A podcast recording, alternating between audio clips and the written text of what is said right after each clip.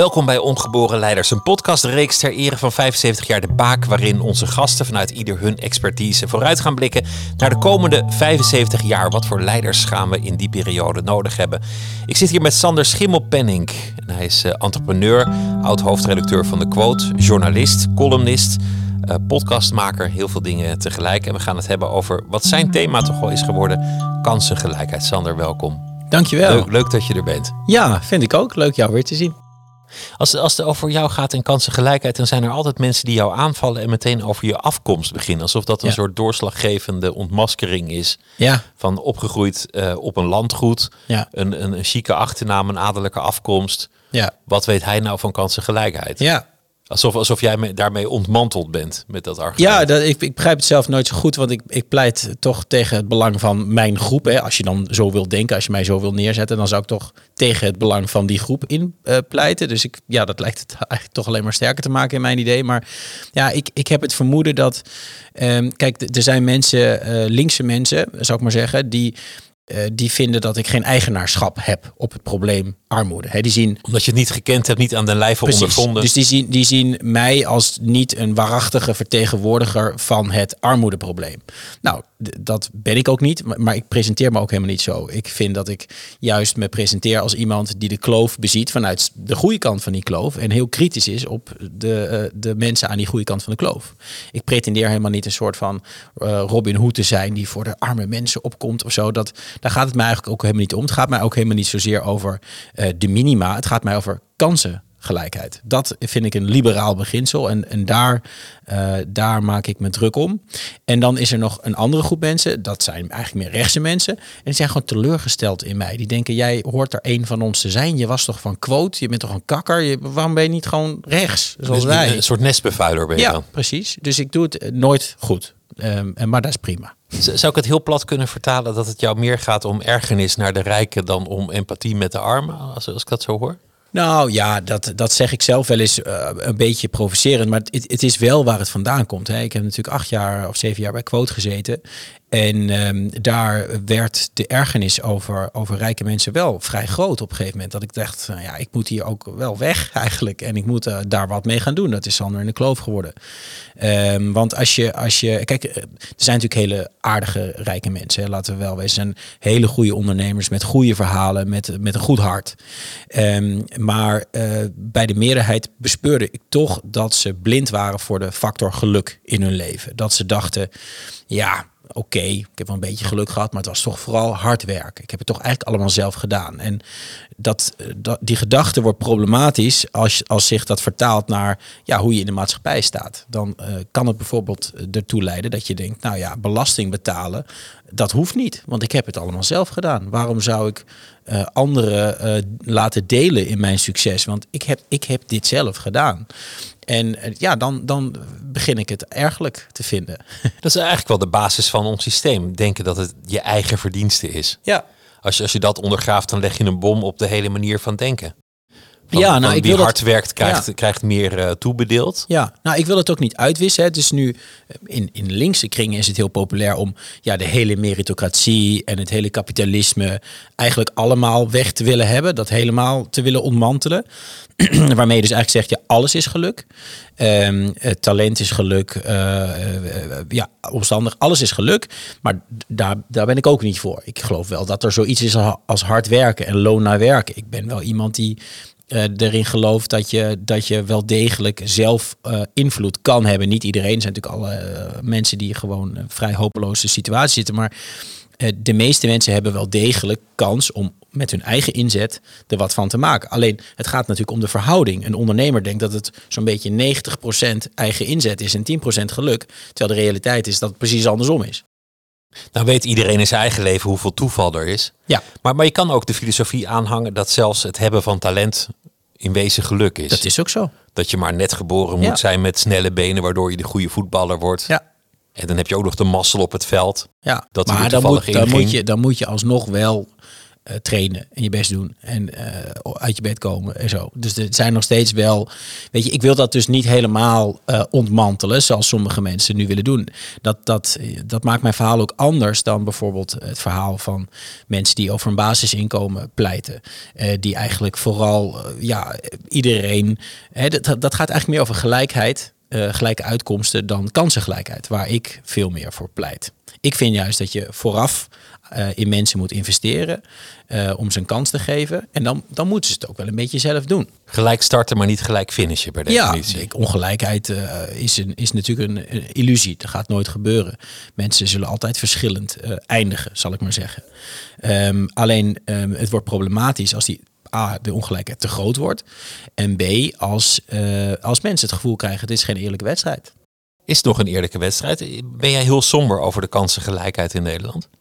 Uh, nee, ik vind het geen eerlijke wedstrijd. Uh, ik vind de wedstrijd veel minder eerlijk dan toen wij jong waren. Uh, dat, dat blijkt ook gewoon uit de cijfers. Dus um, de, de voorspellende waarde van het opleidingsniveau van je ouders, ja, dat is enorm gegroeid. Het is in deze tijd belangrijker dan, dan nou ja, 50, 30 jaar geleden wie je ouders zijn voor je kans in het leven. Zowel financieel, hè, kan ik een huis kopen, krijg ik een jubelton mee van mijn ouders, eh, als, eh, als in het onderwijs. Gaan mijn ouders bijles betalen? Gaan mijn ouders eh, die leraar over, over het bureau trekken om te zorgen dat ik alsnog toch naar de HAVO of VWO ga?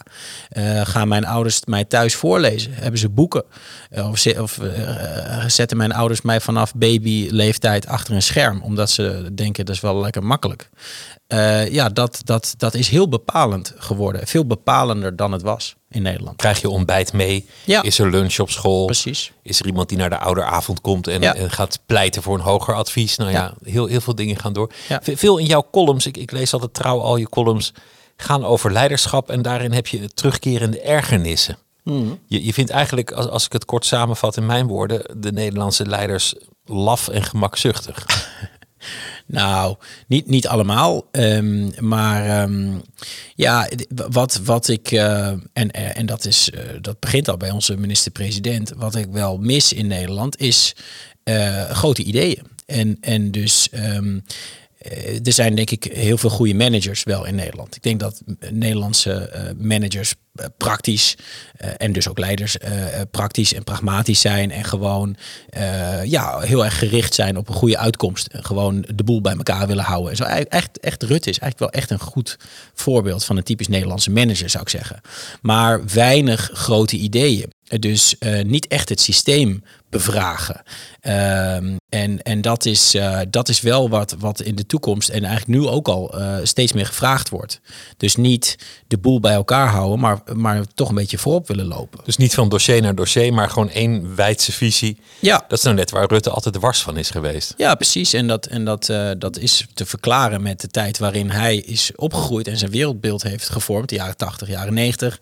Hè, einde van, van, van de grote ideeënstrijd tussen kapitalisme en communisme. Tijd van uh, Thatcher en Reagan. Weet je, het kapitalisme heeft gewonnen. Dat is de enige weg. ja, en dan moet je vooral gewoon een beetje managen. En dan hoef jij maar niet na te denken over grote ideeën. Want het is toch al lang, eh, het is toch al duidelijk hoe de wereld werkt. En die grote ideeën hadden volgens hem altijd de neiging om af te leiden van wat moest gebeuren. Ja, ja, nou ja, dat, dat, dat is gewoon echt, eh, denk ik, een onhoudbaar idee over leiderschap. Het is juist andersom. Je moet vooral uh, grote ideeën hebben, want anders uh, is wat je, wat je nu moet doen tamelijk zinloos. Je schrijft ook wel eens over eerlijkheid als het gaat over leiders. Over, over leiders die zich dommer voordoen dan ze zijn. Of die, die de menigte naar de mond praten. Ja. Of moeilijke dossiers uit de weg gaan. Ja, ja, ja dat, dat, dat vind ik ook uh, uh, ergerlijk. Um, dat, dat er natuurlijk. Um, ja, dat heeft ook te maken met leiderschap. Dat je, dat je ook wel tegen misschien de meerderheid in moet durven gaan. Uh, kijk, Rutte, uh, kom ik weer met Rutte, maar hij staat wel echt symbool, vind ik, voor Nederlands leiderschap. Um, Rutte is, is iemand die kijkt, die polst, of die peilt een beetje in de samenleving hoe het sentiment verandert. Hè? Bijvoorbeeld met de slavernij-excuses, wat onlangs uh, plaatsvond. Um, hij, hij, hij, wilde, hij heeft eigenlijk niet echt een hele sterke mening over, vermoed ik dan. En hij wacht op basis van peilingen tot het sentiment toch een beetje aan het omslaan is. Hij leest eigenlijk eigenlijk uh, met peilingen van, van hoe, hoe groot is de groep mensen die dat wil. En als hij daar dan een bepaalde opwaartse trend, eigenlijk als een beursanalist in herkent, dan denkt hij, nou, dan, uh, dan ga ik het maar doen. Dan, dan ben je deel van de trend. Dan, ja, dan dus hij, hij, hij zit als een soort van, soort van uh, ja, beursanalist zit hij het maatschappelijke sentiment uit te lezen. En dan op basis daarvan gaat hij iets doen. Um, en, maar dat, ja, dat is natuurlijk niet leiderschap. Dan, dan, dan kun je eigenlijk net zo goed een algoritme of een robot daar neerzetten. Uh, en, dan, en dan, ja, dan moeten mensen in de maatschappij dus dat sentiment uh, beïnvloeden. Want dat doet de leider niet. Dat doen an andere mensen, activisten, Sylvana Simons in dit geval. Of uh, weet ik veel, andere mensen die zich uitspreken voor die slavernij-excuses. En dan, um, ja, dan zijn zij eigenlijk de leiders. Dus jij pleit voor intrinsiek leiderschap, dat je ergens voor staat. Ja. En dat ook uitdraagt. Ja, ja. En, en dat je dus uh, gewoon mensen tegen de haren instrijkt. Gewoon zegt van ja jongens, uh, een, een impopulaire boodschap verkondigen. Dat zijn, daar zijn Nederlandse leiders denk ik niet goed in. Er was een, een, een Zweedse automerk dat veel door artsen wordt bereden. Ja, ja, ja. dat, die, daar was een CEO. Baas die, omgekeerd, ja. Die, die al vele jaren geleden zei: wij vinden, wij vinden veiligheid belangrijk. Oh, dat is een ander merk, ja. En toen werd, toen werd er uitge, werd uitgerekend dat het duurder zou worden en minder auto's zou verkopen als ze echt zo radicaal op veiligheid zouden inzetten. Omdat het niet een, een heel belangrijk thema leek. Ja. Dus het maakt niet uit, dit is waar wij voor staan. Ja, ja. Nou, het bleek wel succesvol waarschijnlijk. bleek uiteindelijk ja, zeer succesvol uh, om, om dat als kernwaarde te nemen. Hoe, hoe zie jij goed leiderschap? Wat, wat, wat is volgens jou de essentie ervan? Nou ja, het is natuurlijk niet zo dat je niet moet luisteren naar de markt of naar de mensen.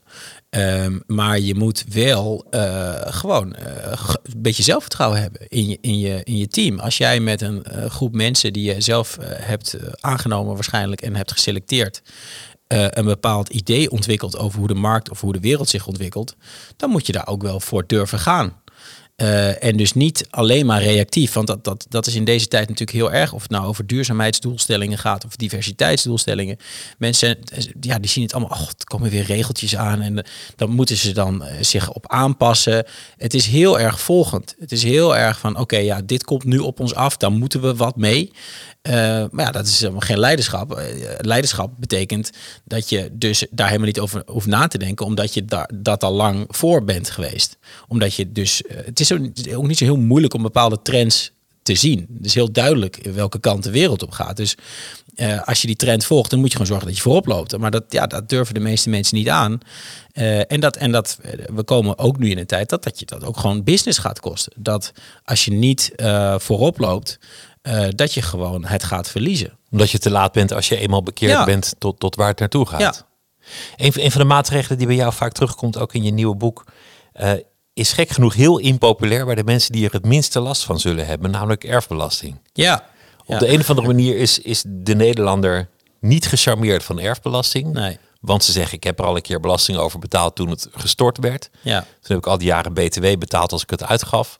Als ik ging sparen, moest ik er ook nog eens belasting over ja, betalen. Heel, heel zielig. Ja. En dan gaat het naar mijn kinderen of kleinkinderen en dan nog een keer belasting. Ja.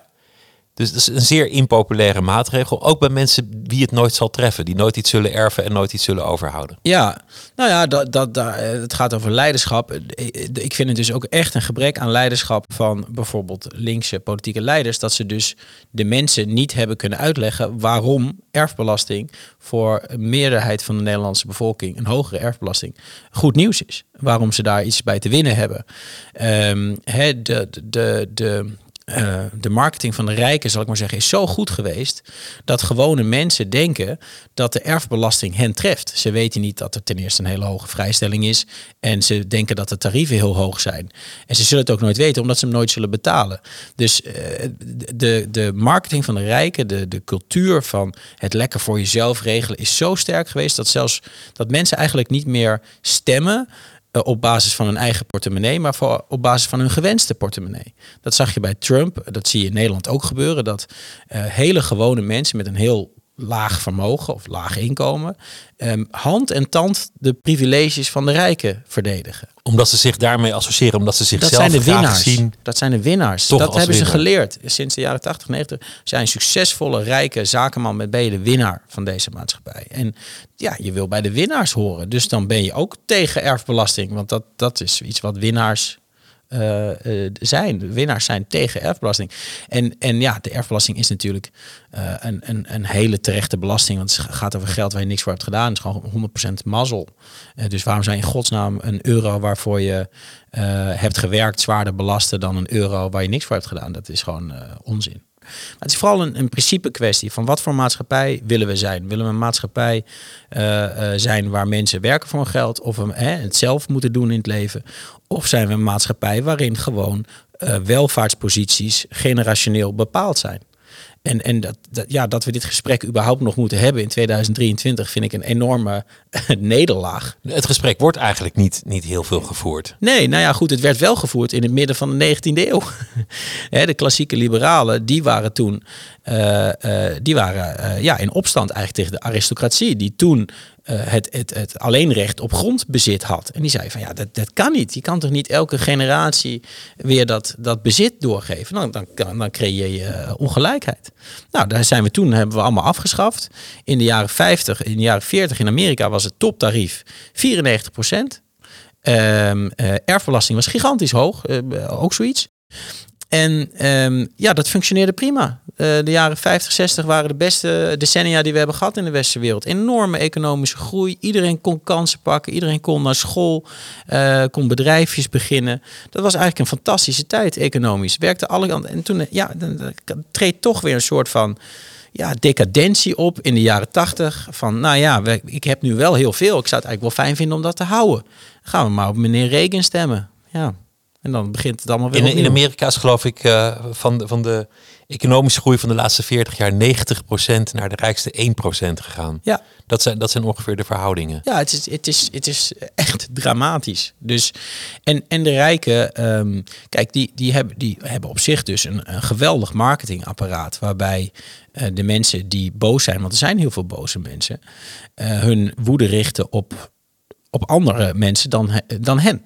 Dus, dus zij worden boos op buitenlanders, op uh, klimaatbeleid, de EU, World Economic Forum, noem maar op. Er zijn allerlei uh, scapegoats.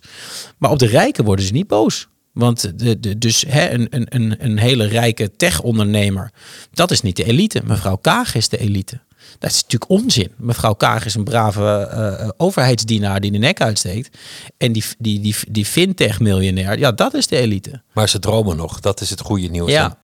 Wat, wat, wat is jouw, jouw visie voor de komende 75 jaar? Wat zou je willen zien voor leiderschap?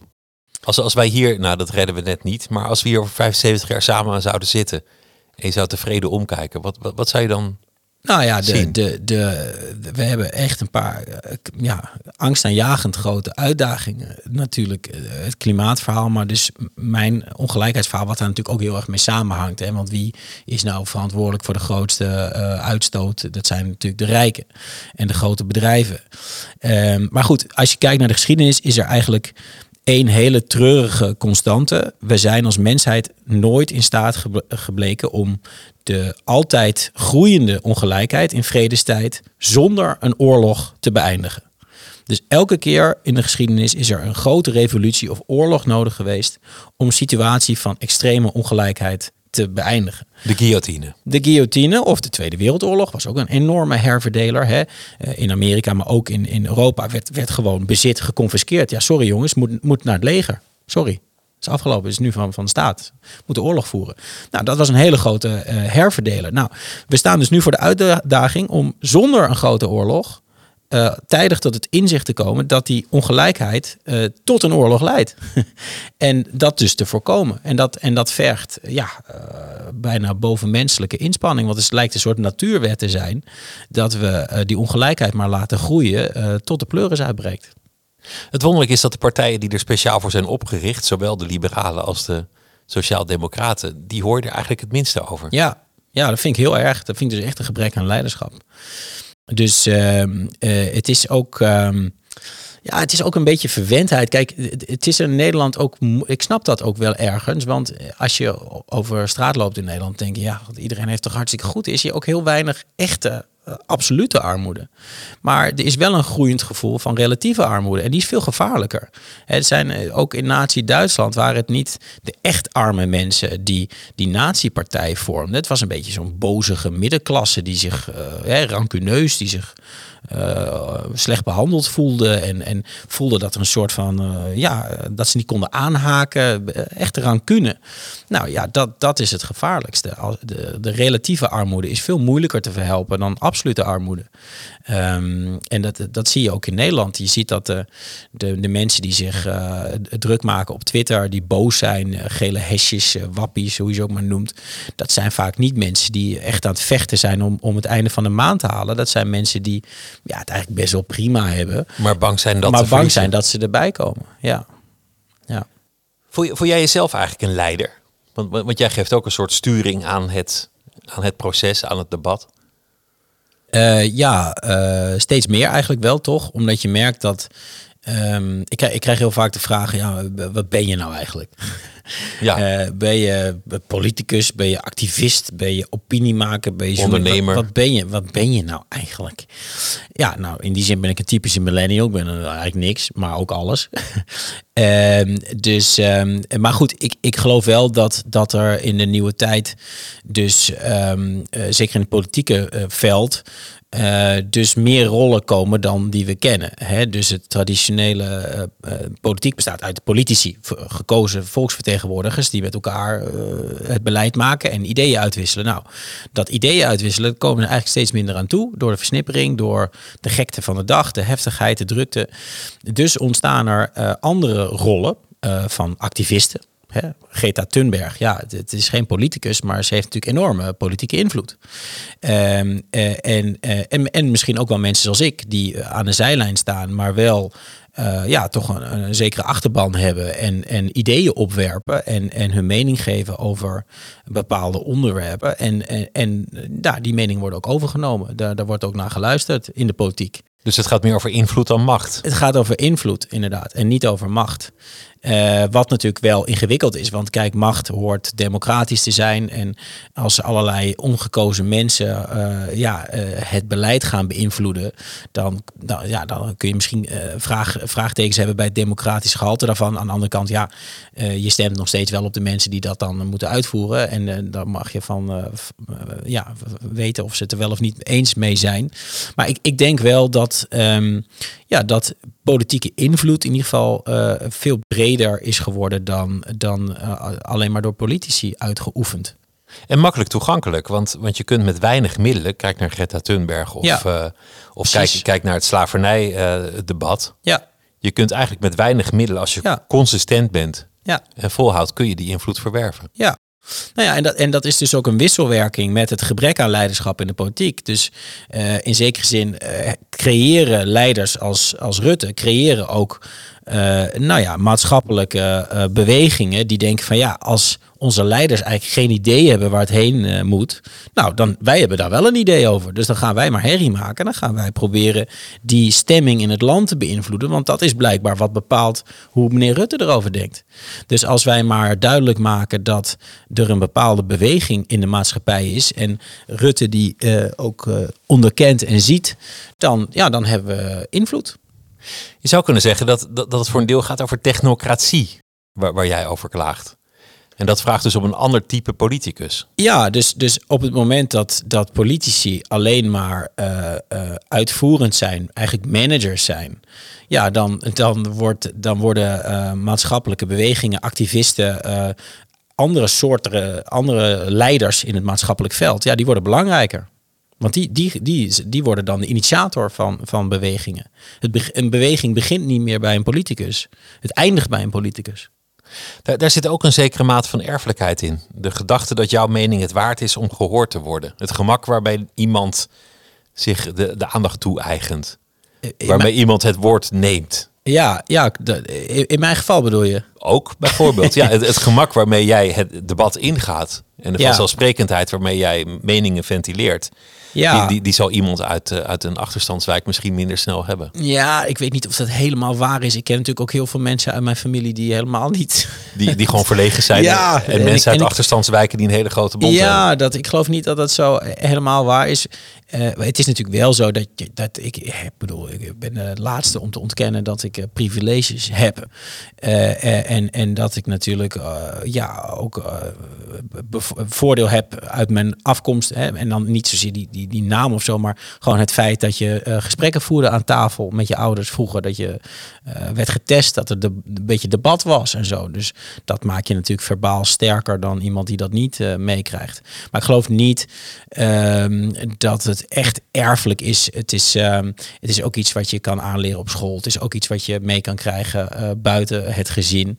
Eh, ehm, en er zijn natuurlijk ook heel veel voorbeelden van, van mensen die, ja, kinderen van ouders die wel heel eh, wel bespraakt zijn geworden, ondanks dat hun ouders helemaal niet eh, eh, wel bespraakt waren. Wat, wat voor type leiders zou je willen zien de komende 75 jaar? Ja, ik, Ik bedoel, waar moeten ze geworven worden? Waar Ja. moeten ze vandaan komen? Wel- Welke eigenschappen moeten ze hebben? Ja, nou ja, ik, ik, ik erg me dus aan het managementachtige opvatting van leiderschap. Het bij elkaar houden, het eh, compromiscultuurtje wat we in Nederland natuurlijk heel sterk hebben. Dus ik zou zeggen dat eh, eh, ja, je dus moet kijken naar bijvoorbeeld activisten eh, en hun, wat dan wordt gepercipieerd als boosheid, agressie soms. Hè. Sylvana Simons, bo wat een boze vrouw. O- ook over mij wordt dat heel vaak gezegd. Hè, waarom moet hij altijd zo schelden? Waarom is het allemaal zo fel? Hij is toch een fatsoenlijke jongen? Waarom moet het, eh, waarom moet het allemaal zo heftig? En eh doe eens aardig. En je hoeft toch mensen niet te beledigen? Nee, ja, dat, dat, ik zou zeggen dat dat toch de toekomst is van leiderschap. Het mag best wel even een tandje feller. Dus uit innerlijke verontwaardiging gedreven. Ja, er mag best wel eh, echt eh, eh, emotie bij zitten. Van jongens, dit is echt niet oké. Dit, is, dit is belachelijk. Ehm, ik, ik vind de emotie van bijvoorbeeld Stefanie Simons in de Tweede Kamer vind ik echt verfrissend. Gewoon oprecht. Wat, wat, wat, wat, wat gebeurt hier? Wat, wat doen jullie nou? En dat zie je bij, ook bij iemand als Pieter Omzicht bijvoorbeeld wel. Ehm, het moet natuurlijk niet doorslaan in, in de constante stroom van platte beledigingen van, van Geert Wilders louter emotie. een louter emotie. Ik bedoel, het moet wel gedoseerd. We moeten niet een soort van maatschappij met alleen maar schreeuwende, huilende, trappende mensen. Eh, maar ik geloof wel dat ehm, de behoefte aan fatsoen eh, in Nederland wel heel groot is. Dat het wel heel eh kleinburgerlijk is af en toe. Van, oh, als je, maar, als je maar netjes een hand geeft, dan mag je de meest vreselijke dingen doen. Eh, als je maar met twee woorden spreekt, mag je het milieu kapot maken. Als je maar, hè, dat, dat, ik vind fatsoen zit niet aan de buitenkant. Dus er mag, wat, mag wat brutaler, wat feller leiderschap getoond worden. Daar zit een element van, van mensen die zeggen: Dit treft mij en ik pik dit niet langer. Sylvana of Greta Thunberg. Die zeggen: ik, ik ben slachtoffer Ja, van iets acti- ik, activisme. en nu is het afgelopen. ja, Als het gaat over kansenongelijkheid, zijn de mensen met de minste kansen Stil. stil. Ja, Die, die laten het eigenlijk van, zich, van zijn kant gaan of, of zien niet ja. dat dit aan de hand is. Ja, en daarom vind ik dus dat er ook eh, voor, voor mijn kant van de kloof een verantwoordelijkheid ligt. Hè. Als je kijkt naar de geschiedenis van het ontstaan van het liberalisme, ook de sociaaldemocratie. Ja, dat waren echt niet de mijn eh, werkers die dat hebben verzonnen allemaal. Dat waren de eh, mensen die tijd en luxe en dus verantwoordelijkheid hadden om over dit soort dingen na te denken. De professoren die zich sociaal Ja. engageerden. Ja, ja. Dus eh, eh, ja, eh, ja, het, het, het- het klinkt, klinkt misschien ook een beetje paternalistisch. Dat kan ik me voorstellen. Dat je denkt van ja, oké, wie ben jij om te denken dat jij het beter weet voor ons? Maar dat is wel hoe grote maatschappelijke verandering toch is veroorzaakt. Ja, Dankjewel. graag gedaan.